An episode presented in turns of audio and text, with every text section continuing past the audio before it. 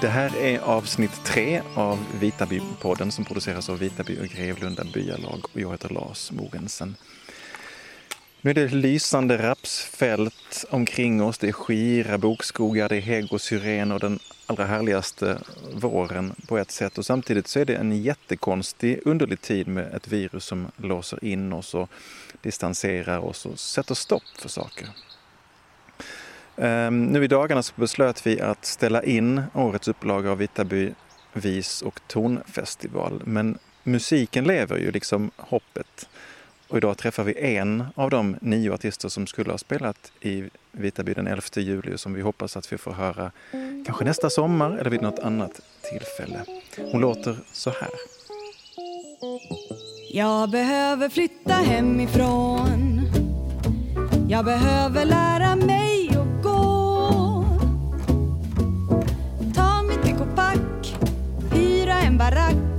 Flytta hemifrån.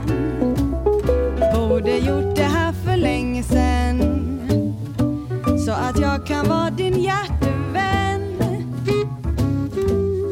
Inte kan väl jag slippa dessa kval. Flytta hemifrån.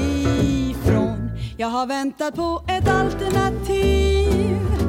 Att bli gift och skaffa mig ett nytt liv. Gå från ruta ett till ruta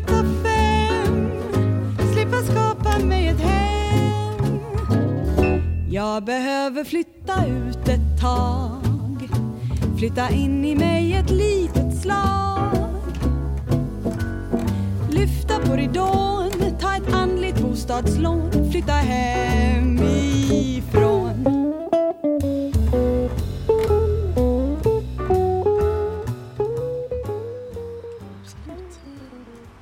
Flytta hemifrån heter den här låten. Jag är nyfiken på henne. Hon befinner sig i gränslandet mellan jazz och pop. Visa, kanske. Eh, Hon jobbar också mycket med röstens roll, jobbar med barn. 2017 kom hennes senaste skiva som heter Den stora skalan. Hennes musik finns på Spotify, man hör henne på scener landet runt. Välkommen Mimi Terris. Tack så mycket, kul att vara här Vi sitter i en trädgård eh, omgiven av bokskog och en bäck som rinner här nedanför. Eh, säg någonting om låten vi hörde. Ja, men Flytta hemifrån var ju en låt som, eh, som liksom lite kom till mig. Hela den skivan, Flytta hemifrån, den, den hände lite av sig själv. Att den eh, behövde komma ut. Och den låten handlar ju, vissa tänker att den eh, bara verkligen handlar om att flytta hemifrån. Och någon dansk ställde någon, någon fråga, men du är ju kun 18 år gammal är du? Liksom inte hade, hade inte alls fattat att den handlar inte om att flytta hemifrån utan den handlar alltså om att flytta ut ur en situation som då inte var så konstruktiv för mig och flytta in i mig själv då. Ta ett andligt bostadslån, flytta hemifrån. Det är en fantastisk text. Tack så mycket, du har lyssnat. Ja, Ja, vad roligt. Ja. Men det är ett steg i- i livet från något mörkt till något ljust eller komma vidare. ja, men det var väl det. Alltså, det var väl den där klassiska 27-årsgrejen liksom. Nu är jag väl, vad fyller jag? 35, 36 något sånt där. Och det här var ju ett gäng år sedan där jag, 2014 tror jag skrev den, skrev den låten. Men det var verkligen den där fasen i livet som det känns som att alla måste igenom. Folk eh, upplever väl det mer eller mindre intensivt. Men det var verkligen en sån där grej jag hade skjutit fram för mig i många år. Att liksom stressade på, jobbade på, hade väldigt höga ambitioner på alla plan. Och bröt ihop då. Och eh, skrev massa musik plötsligt. Det hade jag inte gjort på många år. Och inte alls i den här omfattningen eller med den ambitionen att musiken skulle släppas. Så det var väldigt eh, bra och kul för mig. Vad innebär det att bryta ihop? Eh, Då var det att jag eh, insåg att jag hade mm, bipolär sjukdom och hade haft det i många år. Jag tror inte att det egentligen bröt ut så mycket eh, på riktigt förrän jag var 22-23. Men då hade jag liksom episoder av väldigt intensiva perioder och liksom depressioner. Och då gick jag igenom en, vad var det, en sjuårig utbildning i klassisk sång och skulle bli operasångerska. Så att eh, det fanns liksom inte på min karta att jag skulle ha någon form av själslig eh, sårbarhet utan jag skulle bara kötta liksom. Så sen när jag var färdig med den utbildningen och hade börjat sjunga jazz.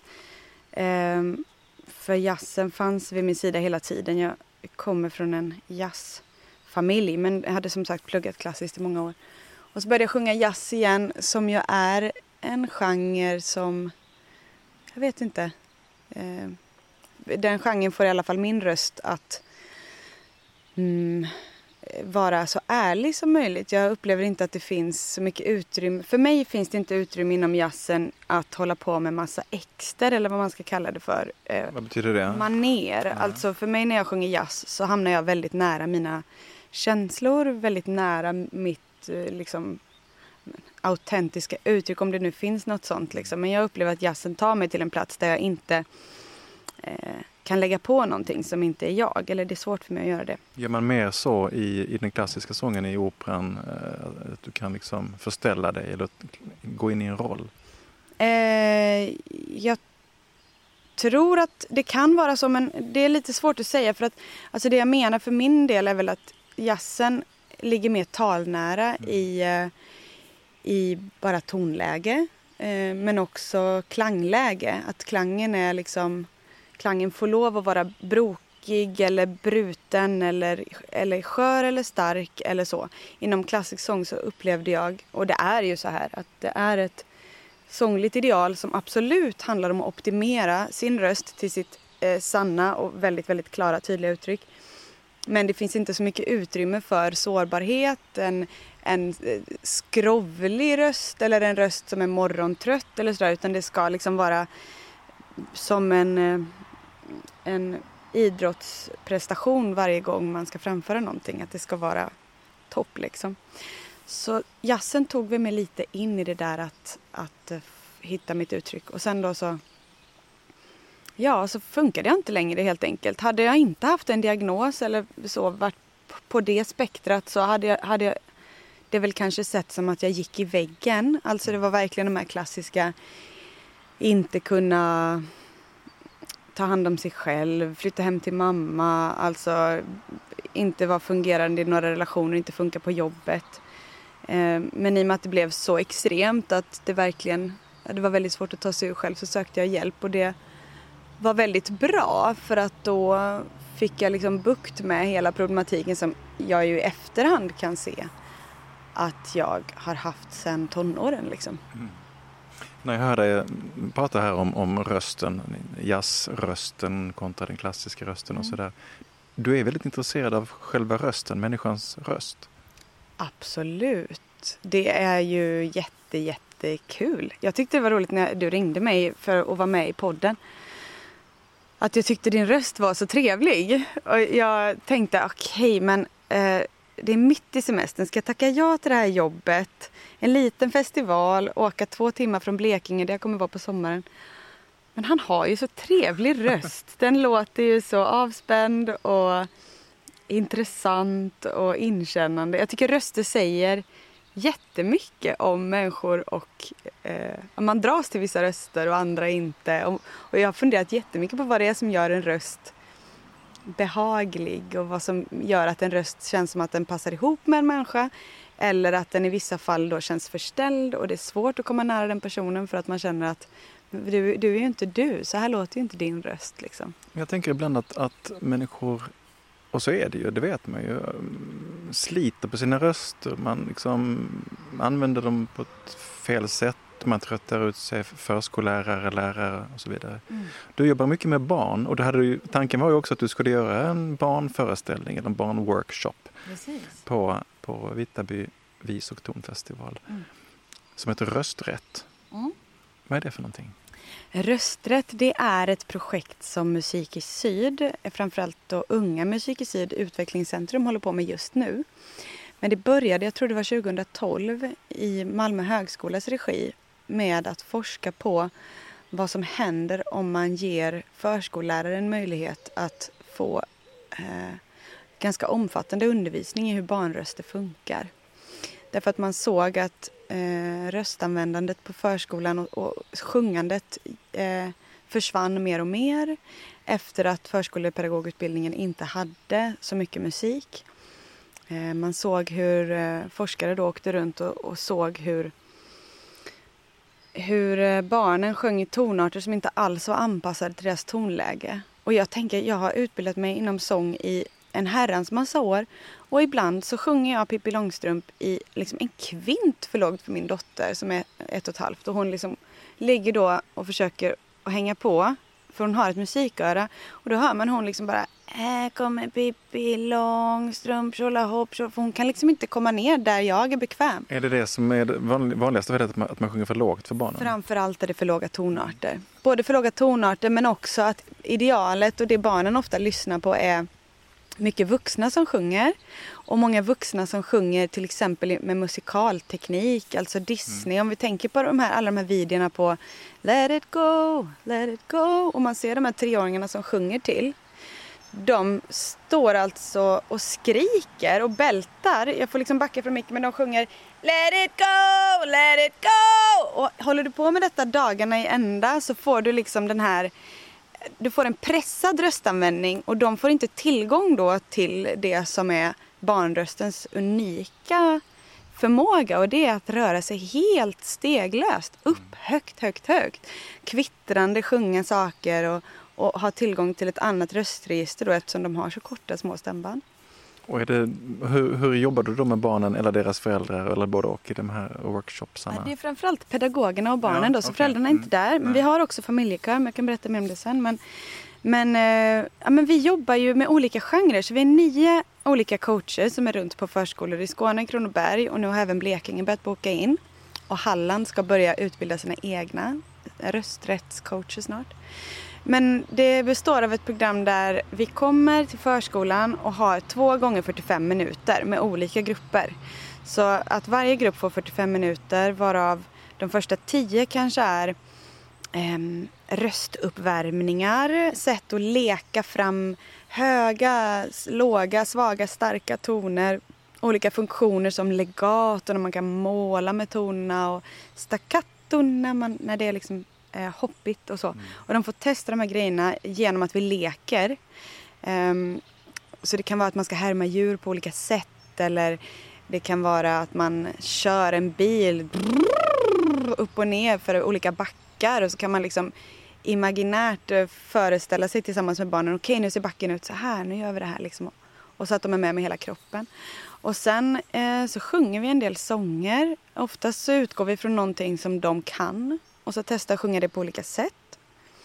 Och sen på slutet så förebildar rösträttscoachen eh, med sin egen röst och sjunger någonting från sin repertoar. Och då heter mitt program Jassa med Mimmi. Och eh, så finns det liksom Sjung ut med Elinor och Ropa på korna med Anna, Anna Elving som håller på med folkmusik och kulning och så.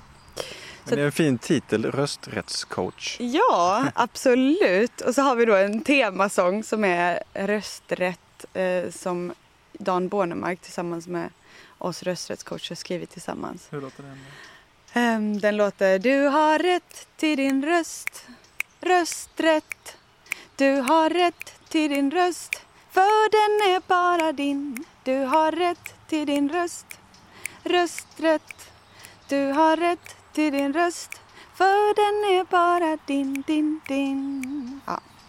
Finns en liten video och en liten app som de har skapat också som heter Musika. Musik A, alltså i ett ord med K. Mm. Som Unga Musik i Syd har skapat för att eh, eh, förskolepedagogerna och barnen och föräldrarna ska kunna värma upp rösten, leka med rösten på ett bra och skonsamt sätt. Så den kan jag rekommendera faktiskt. Men tror du att, att ehm, liksom alla och en var på något sätt kan börja jobba med sin röst utan att gå till en, ehm, ett proffs? Kan man tänka efter på hur låter jag eller hur, hur trött blir jag när jag talar eller hur? Ja, det tror jag verkligen att alla kan. Frågan är bara hur liksom hur eh, länge och djupt man har gjort på ett sätt som är skadligt för en själv. Eh, vissa hamnar ju i ett liksom, jättepressat sånt här läge. Väldigt svårt att lära sig bara genom att tänka sig ur det här tal överkomprimerade läget. Liksom, hur man ska slappna av och försöka. Eh, så, så eh, ibland behövs ju såklart eh, hjälp liksom. Men jag tänker att väldigt, det, internet är ju väldigt bra på det sättet att man kan ju verkligen hitta grejer där gratis, till exempel på Youtube, hur man kan förbereda sig genom att andas ordentligt eller tänka att man använder sig av den luften man har i sina lungor när man gör sin, berättar sin historia eller sin mening. Att man inte till exempel chippar efter luft hela tiden eller så. Men väldigt mycket av det jag möter jag jobbar ju som lärare nu också på Nils Holgersson-skolan i Simrishamn. Och jag har jobbat som lärare i många år. Och många lärare, speciellt kvinnor, eh, lägger upp rösterna ganska högt för att liksom nå igenom. Eh, och det är ju något som man kan hamna i. Att istället för, för att, att överrösta? Eller? För att överrösta eller påkalla uppmärksamhet eller för att liksom vara tydlig. Eh, och det är väldigt lätt att hamna i det. Jag märker det själv när jag undervisar att man liksom hamnar i sånt där okej okay, men och det här, nu ska jag bara berätta det här och ah, man märker och jag behöver mig själv och hjälp, jag måste bara pausa, samla fokus, sänka röstläget. För det är faktiskt så här att det har ju visats att folk lyssnar bättre på en som sänker röstläget och menar vad de säger än på en som ligger här uppe och försöker att nå igenom. Liksom. Jättespännande att ja, höra de där tankarna. Och, um, men låt, vet du vad? Vi lyssnar, nu har vi bara talat om, om röst och rösträtt och inte så mycket om din musik. Nej. Jag vill att vi lyssnar på en annan av dina låtar. Vilken ska vi ta? Ja, eh, ska vi ta lite från Stora skalan då kanske? Mm. Vi kan ta den titelspåret till exempel, Den stora skalan. Jag är din så länge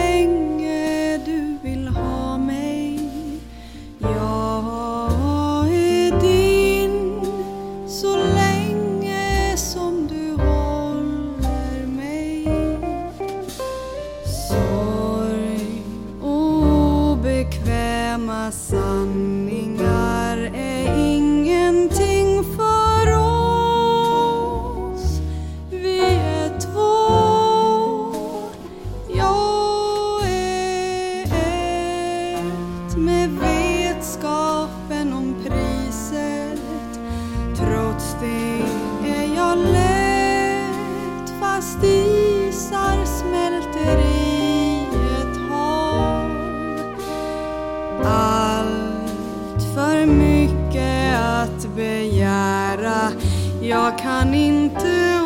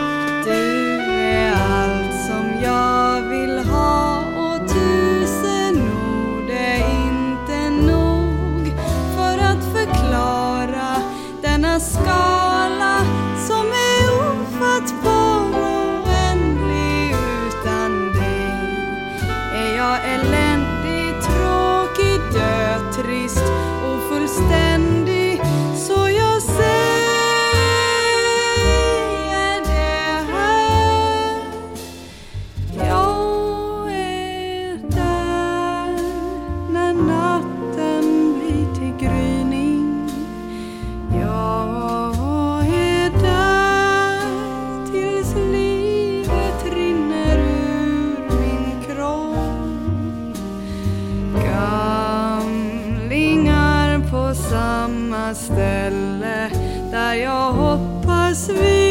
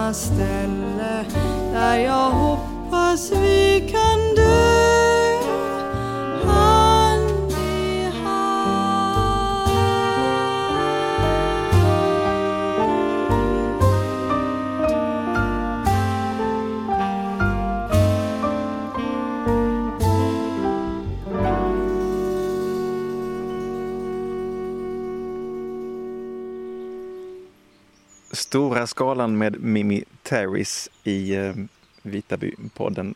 Eh, berätta, hur kom den här låten till? Alltså det är ju en kärlekssång till min eh, sambo, blivande man. Och eh, jag skrev ju den i något svagt ögonblick när Nej, jag skojar. Nej, men jag skrev ju den till honom för att jag älskar honom och upplevde att ibland så kan man älska eller känna på den stora skalan och det tycker jag att jag kan ganska ofta. Alltså det behöver inte vara kärlek, det kan vara frustration eller vad som helst men mina känslor är oftast ganska starka. Så därför fick låten och albumet heta Den stora skalan, att, att leva på den stora skalan. Och då har jag skojat till det lite med den här låten för både introt och, och B-delen i låten är ju en stigande och fallande skala, liksom en durskala. Um, men den handlar väl om den där sårbarheten att uh, våga ge sig hän och uh, vara hela sig själv tillsammans med någon annan. Hur skapar du din musik? Sätter du det med, med melodier eller klanger eller är det texten som kommer eller hur går det till? Uh, jag har alltid försökt att skriva vid pianot när jag var yngre, när jag liksom gick på gymnasiet, när jag gick, alltså alla år när jag har skrivit musik från och till så har jag alltid satt mig vid pianot först. Men det är ju mitt B-instrument, alltså det är ju inte mitt huvudinstrument. Eller B-instrument, rösterna är mitt huvudinstrument. Så det var nämligen så här att när jag då var inlagd första gången, 20, eller andra gången 2014, eh, då fanns det ju inget piano. Det finns ju inga avdelningar på psyk som har pianon i olika hörn. Liksom. Så då var jag där i en otrolig stillhet och ett, ett lugn och en tystnad som möjliggjorde för mig att höra eh, mina tankar på ett sätt som jag kanske inte hade gett mig själv utrymme att, känna innan. För att livet går ju på och det är mycket ljud överallt. Mm. Liksom, speciellt om man bor i en stad. Vilken stad var detta? Eh, men då bodde jag i Malmö. Mm. Så då så började jag skriva melodier i huvudet istället. Eh, och skriva ner text, sjunga in på telefon eller diktafon. Eh, och eh, liksom staka ut ackorden genom att sjunga ackorden också. Så att jag använde rösten som kompositionsverktyg till 100 procent. Och då lossnade liksom mitt skrivande för mig. Så att det har jag, efteråt har jag liksom varit nästan irriterad på alla så här, kompositionslektioner man har tagit och sådär. Där det har handlat om musikteori mycket och inte så mycket om intuitivt skapande och att skapa utifrån sitt huvudinstrument.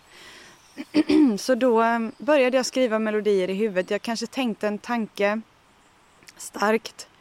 Eh, och så lyssnade jag på eh, lyssnade jag på rytmen på språket. Alltså man tar, det är soligt här till exempel. Det är soligt här. Det är soligt här. Det är soligt här. Att börja loopa i sitt huvud en rytm och sen vad kan passa till den rytmen? Vilken melodi skulle kunna passa? Eh, vad hör jag liksom? Och stanna upp, lyssna inåt, lyssna inåt, lyssna inåt. Så låtarna, de här låtarna har skapats nästan till 100% i mitt huvud och sen har jag kunnat sätta mig vid pianot efteråt och fundera på okej, okay, vad är det för grundton? Vilken tonart passar den här låten bäst för att liksom rymma eh, ton, eh, ja men det tonläget som den ligger i och sådär. Så det har varit jättespännande att lära mig mer om den processen. Mm, vad intressant. Och det är också intressant i det här hur, har jag funderat över, när, när tal övergår i sång. Ja. Eh, det finns ett fantastiskt avsnitt av podden Radiolab okay. som handlar om just när gränslandet mellan tal och sång. Alltså det du sa, det är soligt här. Det är soligt här. När, när blir det sång ja. ja. Det är superfascinerande, det måste jag lyssna på. Ja, för det är ju egentligen jättenära mellan tal och sång. Och speciellt svenskan upplever jag som är ett väldigt sångnära språk. Jag kan tänka mig att kanske danskar inte riktigt upplever det på samma sätt där de har lite mer eh, monoton röstmelodi. Eh, Jag vet inte, men det är superfascinerande. Och, men jag tror att den spärren mellan tal och sång den läggs någonstans i övre barndomen, liksom, eller upp mot tonåren där. Liksom. Innan så kan man ju gå runt och sjunga hela tiden. Åh, nu ska jag diska. Åh, det är så kul att vara ute och leka med de här stenarna. Alltså man kan ju höra barn som sitter så. Så när jag håller på med barn och röst så snackar jag mycket om det där att eh, att sång och, och tal nästan är samma sak. Att man alltid kan sjunga vad man gör, man kan alltid sjunga vad man känner. Men det är ju lättare sagt än gjort för vuxna. Mm. För att det är en spärr ju. Man kan inte gå runt och sjunga sådär hur som helst. Nej, det kan man inte. Eller kan man kanske. Eller kan man det? ja. Du, på tal om eh, danska och den, den eh, icke så sångbara danskan så slår det mig, jag hörde några avsnitt av eh, en julshow som du gjorde tillsammans med Kalle Lind och Valle Westesson ja. som heter jag minns inte vad den hette men du, är, du föreställer bland annat Sensuella Trine, du talar dansk. Eller Trine, ja alltså det är ju en julshow som heter Julånga. Eh, en varm julshow tror jag den heter eller något mm. sånt där. Eh, som vi gjorde på Blå båten eh, för förra julen. Som ligger i hamnen vid Malmö högskola, Malmö universitet. Precis. Och då skrev vi den här föreställningen tillsammans. det var Kalle och Valle som kom på Sensuelle Trine och så fick jag den stora äran att, att, att vara den här danska sensuella gamla rockdrottningen. Klyschan av Sanne Salomonsson och alla andra samtidigt. Och alla samtidigt. Och det var superkul så de bara sa men det här är ditt alter ego, du måste köra vidare med sensuella Trine. Men mitt, eh, mitt komiker-jag har inte riktigt blommat ut än. Alltså de tycker ju att jag ska köra liksom och bara när vi gör föreställning eller gör sådana här grejer tillsammans att men kör liksom. Du är ju rolig och jag, jag har aldrig sett mig själv som en person som är rolig. Eh, så det var väldigt kul att få utforska det och bara ge sig hän åt en sån komisk karaktär. Absolut, att du har en självklar talang där. Det är också ytterligare en verksamhet. Du har ju många olika saker som, ja. du, som du gör. Um, nu bor ni på Österlen. Um, i Rörumkrokarna. Mm. Hur, hur är den här trakten för en kreativ person som du?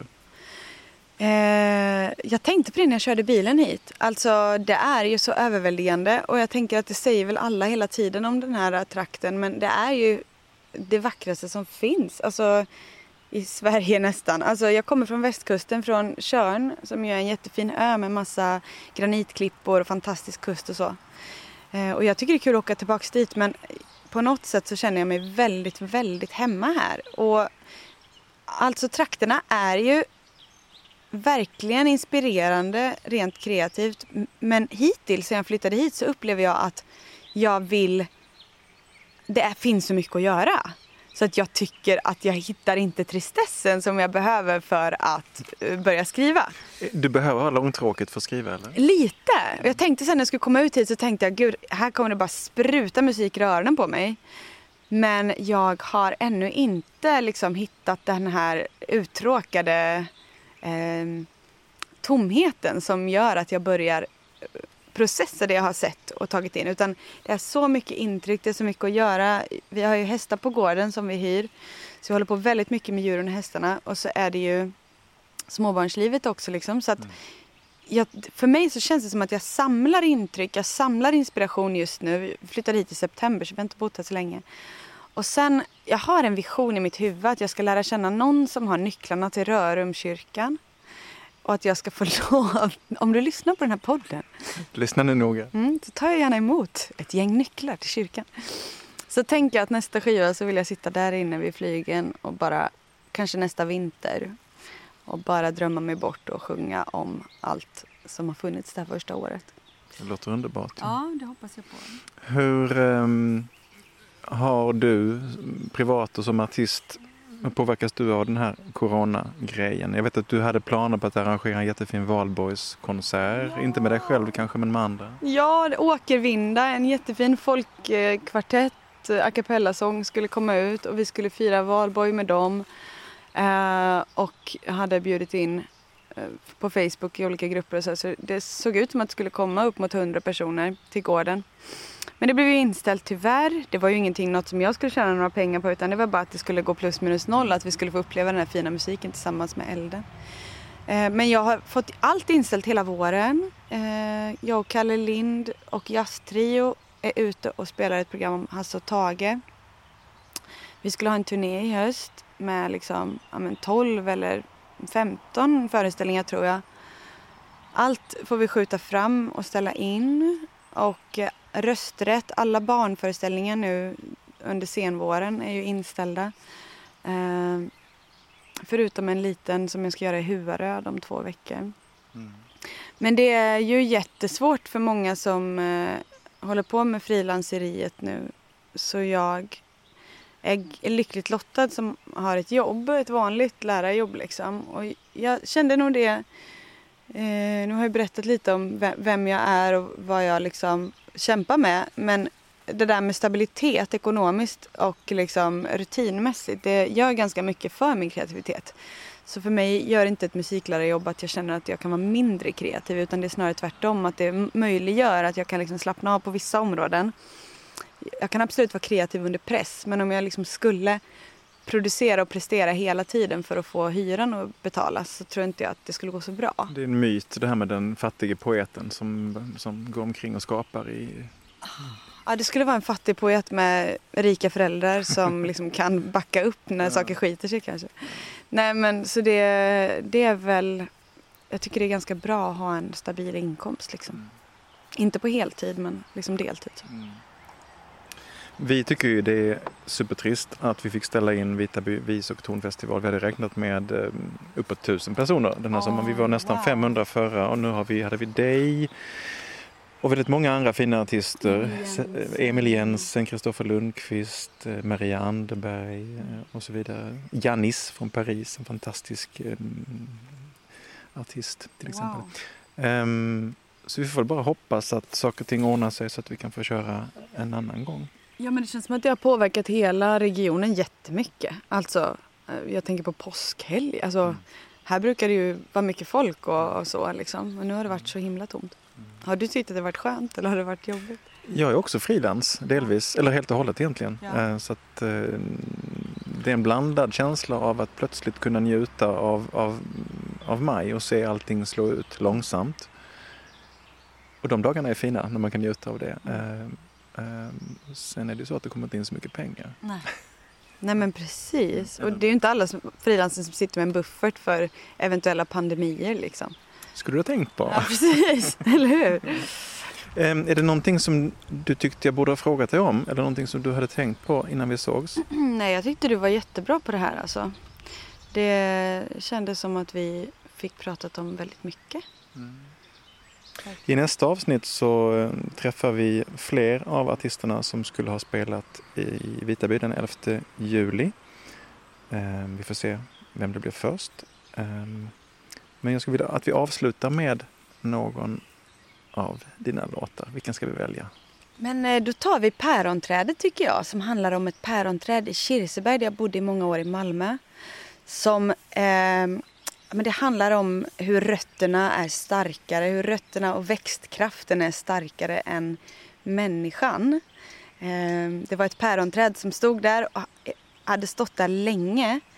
Eh, kanske 100-150 år, jag vet inte men det skulle skäras ner eller huggas ner en dag för att Ikan och bostäder skulle bygga på en eh, liksom, ödetomt, ödetomt som tillhörde som tillhörde en gammal gård på Kirsebergskanten där. Och eh, då hade Sydsvenskan gjort ett sånt himla fint reportage om den här ödetomten under de senaste hundra åren. Så man såg massa arkivbilder. Så såg man det här päronträdet som växte och växte och växte och hela tiden stod där i mitten. Och det var så fint för vi var många i, i, i liksom grannskapet där i Kirseberg som gick och plockade päron och gjorde olika grejer. Liksom hade, gjorde sås, vad heter det, sylter och sånt. Mm.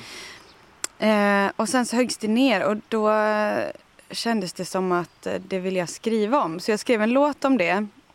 Eh, och så, ja, men sen när de väl hade byggt upp de här ganska fula fyrkantiga husen liksom, som modern arkitektur ofta kan vara lite stelt liksom. Så såg jag att inne på gården så fanns det ju plats att ha det där trädet. Det hade inte behövt huggas ner. Det hade stått jättefint i mitten. Så jag tänkte på det här med hur gammalt och nytt eh, faktiskt kan samexistera. Om man bara tänker till lite. Liksom, vad kan vi spara här? Vad behöver vi ta bort? Och hur kan liksom, det här nya och gamla samexistera? Något jag tycker det verkar som att den här trakten är ganska bra på. Att liksom värna om men byggnadsvård och värna om liksom landskapet och så. Men samtidigt när det byggs att det byggs smart och, och nytt och miljövänligt. Liksom. Och den låten finns också som en video på Youtube till exempel. Ja, det gör den faktiskt. Så det kan man kolla på också. Päronträdet med Mimi Terris. Tack så jättemycket för att vi fick prata med dig. Tack för att jag fick komma.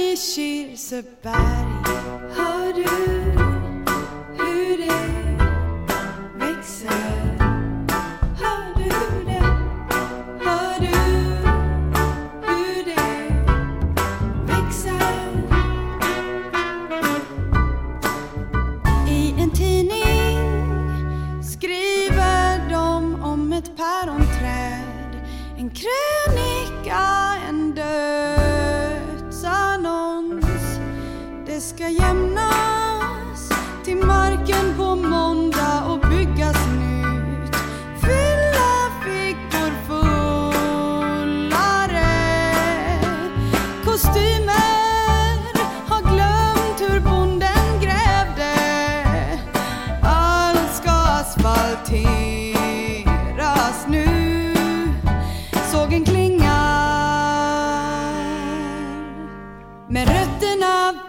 Hör